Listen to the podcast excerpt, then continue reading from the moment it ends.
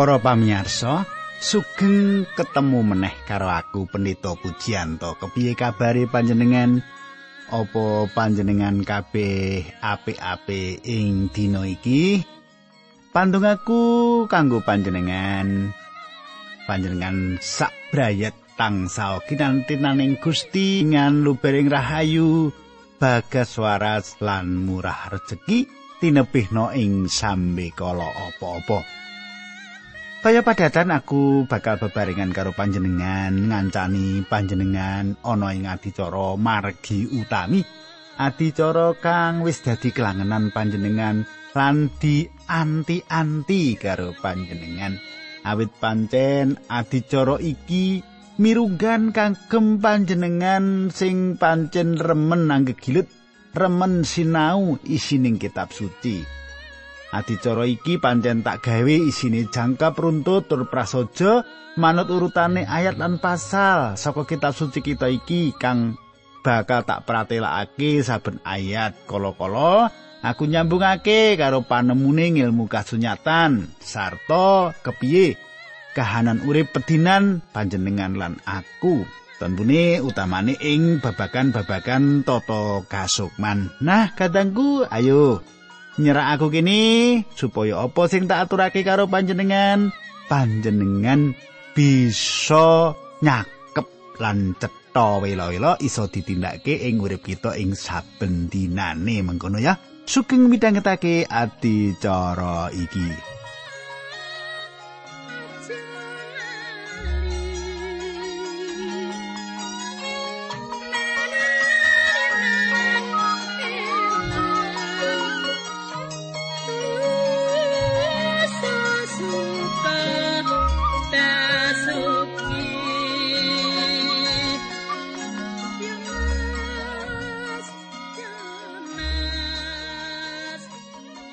Mitraku kang ndak tresnani giaran kepungkur panjenengan wis midhangetake bab sari patine khotbah Gusti Yesus ing puntuk. Kepriye mapanake isine khotbah iku kanggo nuntun urip kita ing sabenane. Roh suci sing makarya ing ati kita nuntun maringi kuwagang maringi kekuatan marang kita kanggo njangkepi kanggo nindakake urip kang nyondongi kersane Allah. Nanging sak durunge tak teruske monggo kita tumungkul kita ndedonga dhisik. Duh Kanjeng Rama. Kawula bingah sanget dene ing wekdal menika kula saged midhangetaken pangandikan paduka. Awit saking menika supados kawula kajebatana kanthi roh suci paduka supados kawula saged mangertos menapa-menapa ingkang dipun ngendikaaken Gusti lan saged kawula tindakaken wonten ing lampah gesang kawula. Linambaran asmanipun Gusti kawula Yesus Kristus kawula netunggal haleluya. Amin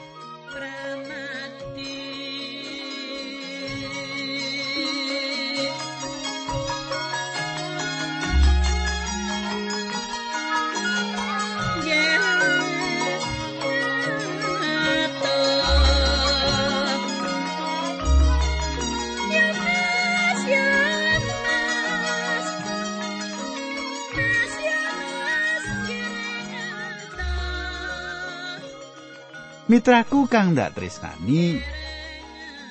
Tak teruske apa sing dadi kateranganku ing patemon kita kepungkur? Banjur kepriye carane supaya enggon kita urip iki bisa langgeng bisa lestari ngestokake dawe Gusti kanthi moral sing tangguh kanthi mental sing tangguh patrap sing suci selaras karo kersane Gusti kang kita tindake ing saben dinane.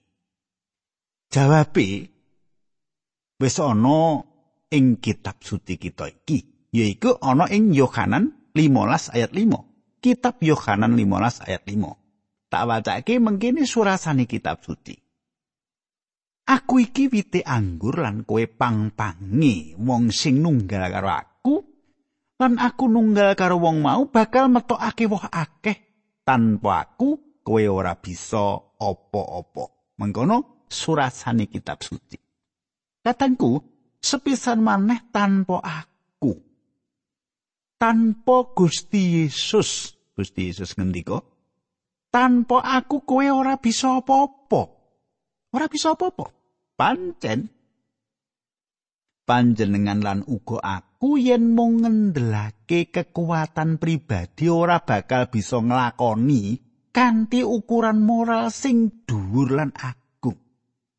Ora bakal bisa nglakoni kanthi ukuran moral sing luhur lan agung. Malah ayat sing tak waca mau meratelake yen kowe ora bisa apa-apa. Ora bisa apa-apa. Gusti Yesus terus makarya ing bumi iki kanthi lantaran Roh Suci sing tumondok ana urip kita. Mula sing bener pakaryane saben wong pracaya, pakaryane kudune nggambarake pakaryane Allah ing bumi. Cetha ya, pakaryane saben wong percaya aku lan panjenengan kudune nggambarake pakaryane Allah ing bumi. Moral agung sing didhawuhake lan sing dadi patokan tumindake urip Kristen. Ora mung sawijining cerita, critane ngene. Wah, nek wong Kristen ki critane kudu ngene, ning ora ditindakake ra iya percuma, ya ora ana gunane. Anging katangku Gusti Yesus kepareng maringi tulodo marang kita ing saben perangan sugengi. Ing uripe ing sugenge Gusti Yesus. Maringi tulodo pangandikane lan tuntunane kadidene tuntunan marang kita lan malah kanthi dinamika sing nyata. Panjenengane nindakake pangeram-eram tumrap wong-wong sing ngetut buri panjenengane. Kanthi mengkono panjenengane njurung kita supaya padha manjinga ing cara urip kaya dene wargane kratone swarga. Kotbahing puntuk, kotbahing gunung isine ora akeh. Nanging yen diudari iku akeh banget. Ngebaki urip kita sak wutuwe. Nek basa sing rada dhuwur, ngombro-ombro ngebaki saranduning urip kita. Tak budi ya isa. Apa kuwi ngomong nganggo basa-basa sing basa kawi saranduning urip ya kabeh urip kita. Mula khotbahing pun kok katanggu.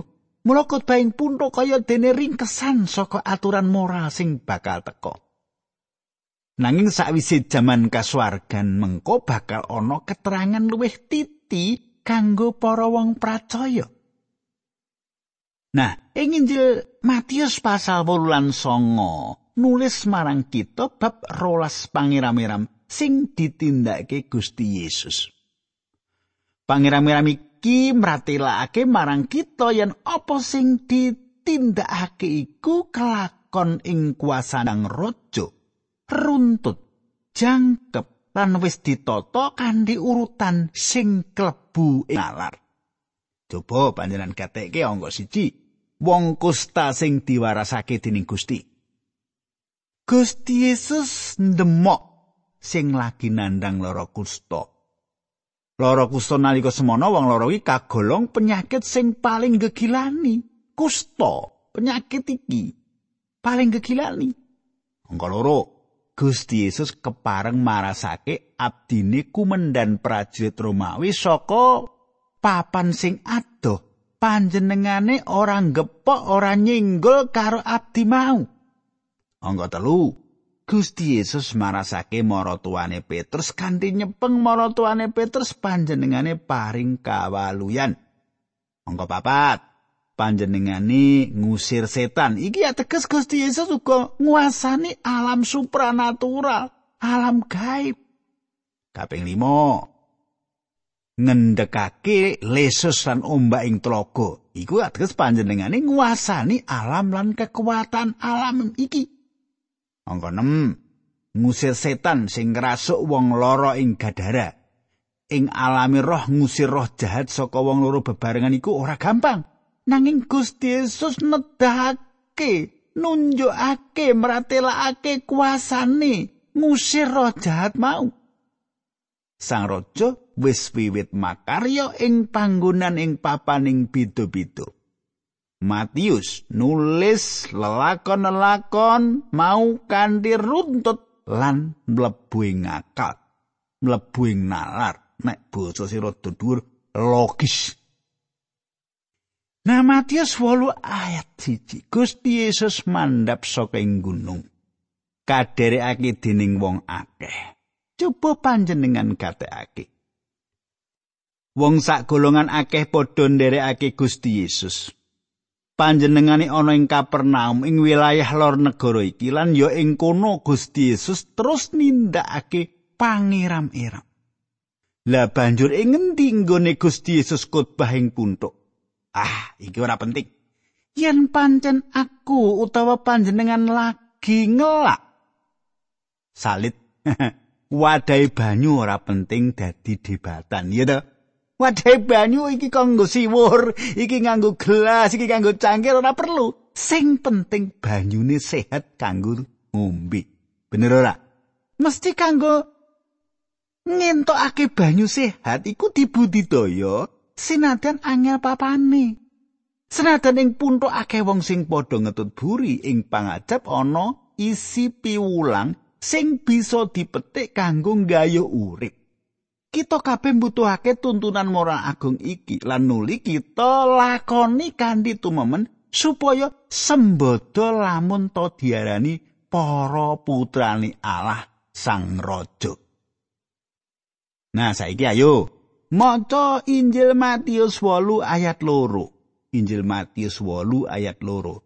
Ing kono ana wong lara kusta. Wong mau sowan lan sujud ing ngarsane Gusti Yesus sarta matur Gusti menawi panjenengan kersa inggih tentu saged nyarasaken kawula. Mengkono surasane ing Injil Matius 8 ayat loro. Kadangku yen iki pasemon. Ya. yen iki pasemon enak dirasake. Gusti medhak saka puntuk papan kang dhuwur ketemu karo wong sing lara kusta. Penyakit iki katangku, penyakit iki lambange kadurakan lambangi dosa.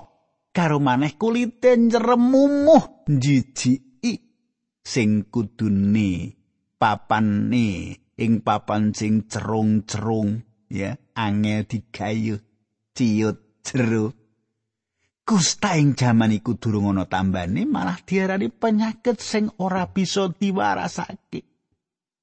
Nalika wong kusta iku ing ngarsane Gusti Yesus matur punapa panjenengan kersa nyarasaken kula? Wong kusta iku duwe pengarep-arep lan percaya yen Gusti Yesus bisa marasake. Gusti menawi panjenengan kersa inggih tentu saged nyarasaken kawula. Kadangku yen panjenengan kersa iku ature wong kusta.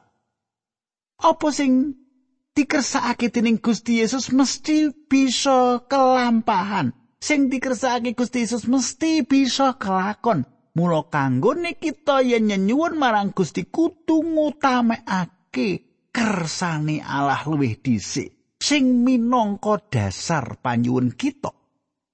Asring kita nyenyuwun kanthi matur, "Duh Gusti, punapa panjenengan kersa nindakaken panyuwun kula menika?"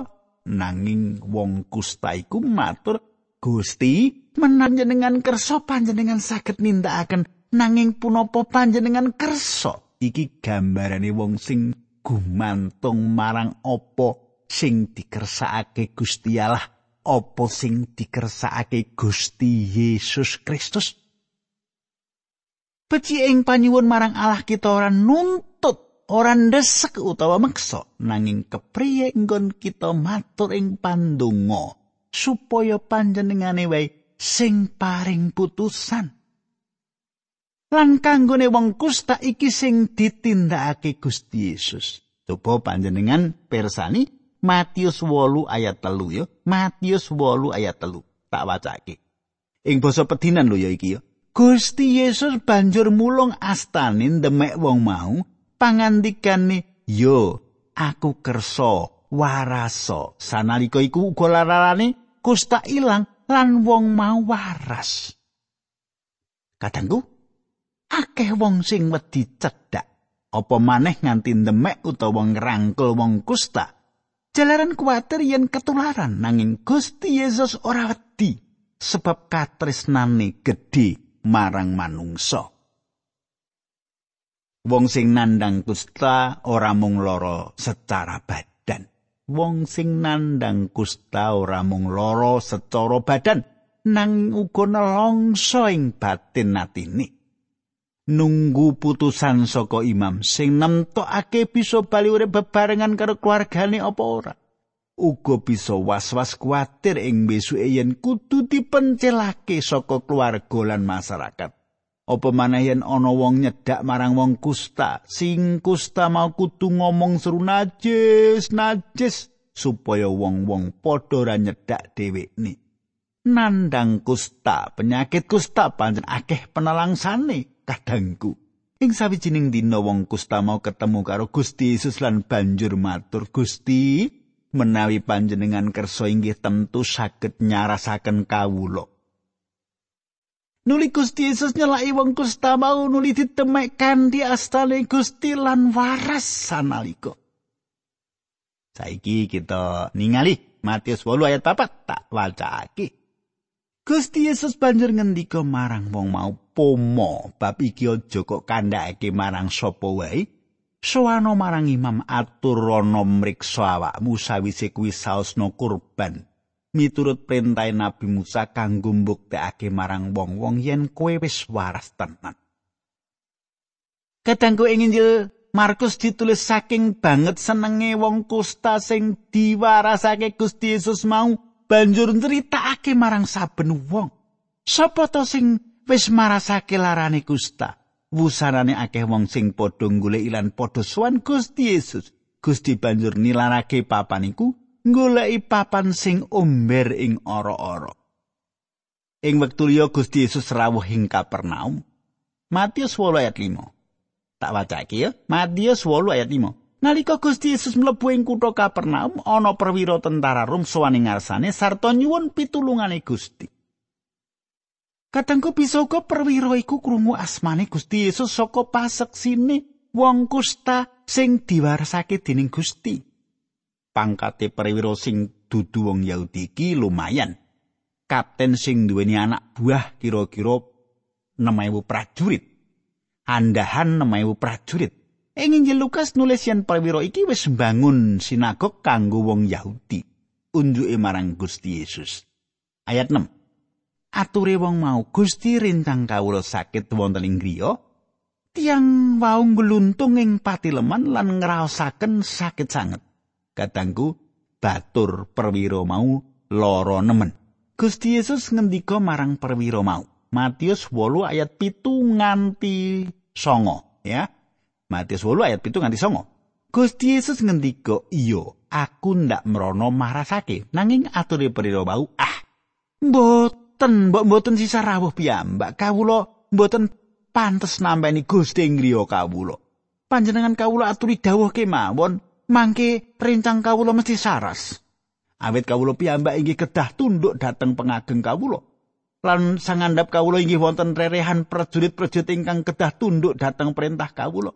Menawi kawula aken dhateng ingkang setunggal lunga piyambakipun inggih kesah menawi kawula ngundang sanesipun mreneo piyambakipun inggih nunten dateng utawi menawi kawula akan rencang kawula iki lakonono piyambakipun inggih tumul nunten nglampahi. Ngono ya tulisane pangandikane Gusti. Nah katangku perwira iki ngerti apa tegese panguwasa sing kagungan kuwasa? Mula perwira iki nyuwun marang Gusti Yesus sing kagungan kuwasa supaya bature diwarasake. Saiki Matius 8 ayat 10 bareng mireng ature perwira mau Gusti Yesus gumun banget. Banjur ngendika marang wong-wong sing nderekake. Aku durung tumon pengandel sing semono gedene ana ing antarané wong Israel. Kadangku sak perangan saka bangsa Israel sing dadi bangsa pinilih ana sing nolak rawi nanging perwira Romawi iki pracaya marang panjenengani. Matius 8 ayat 11 titenono wae.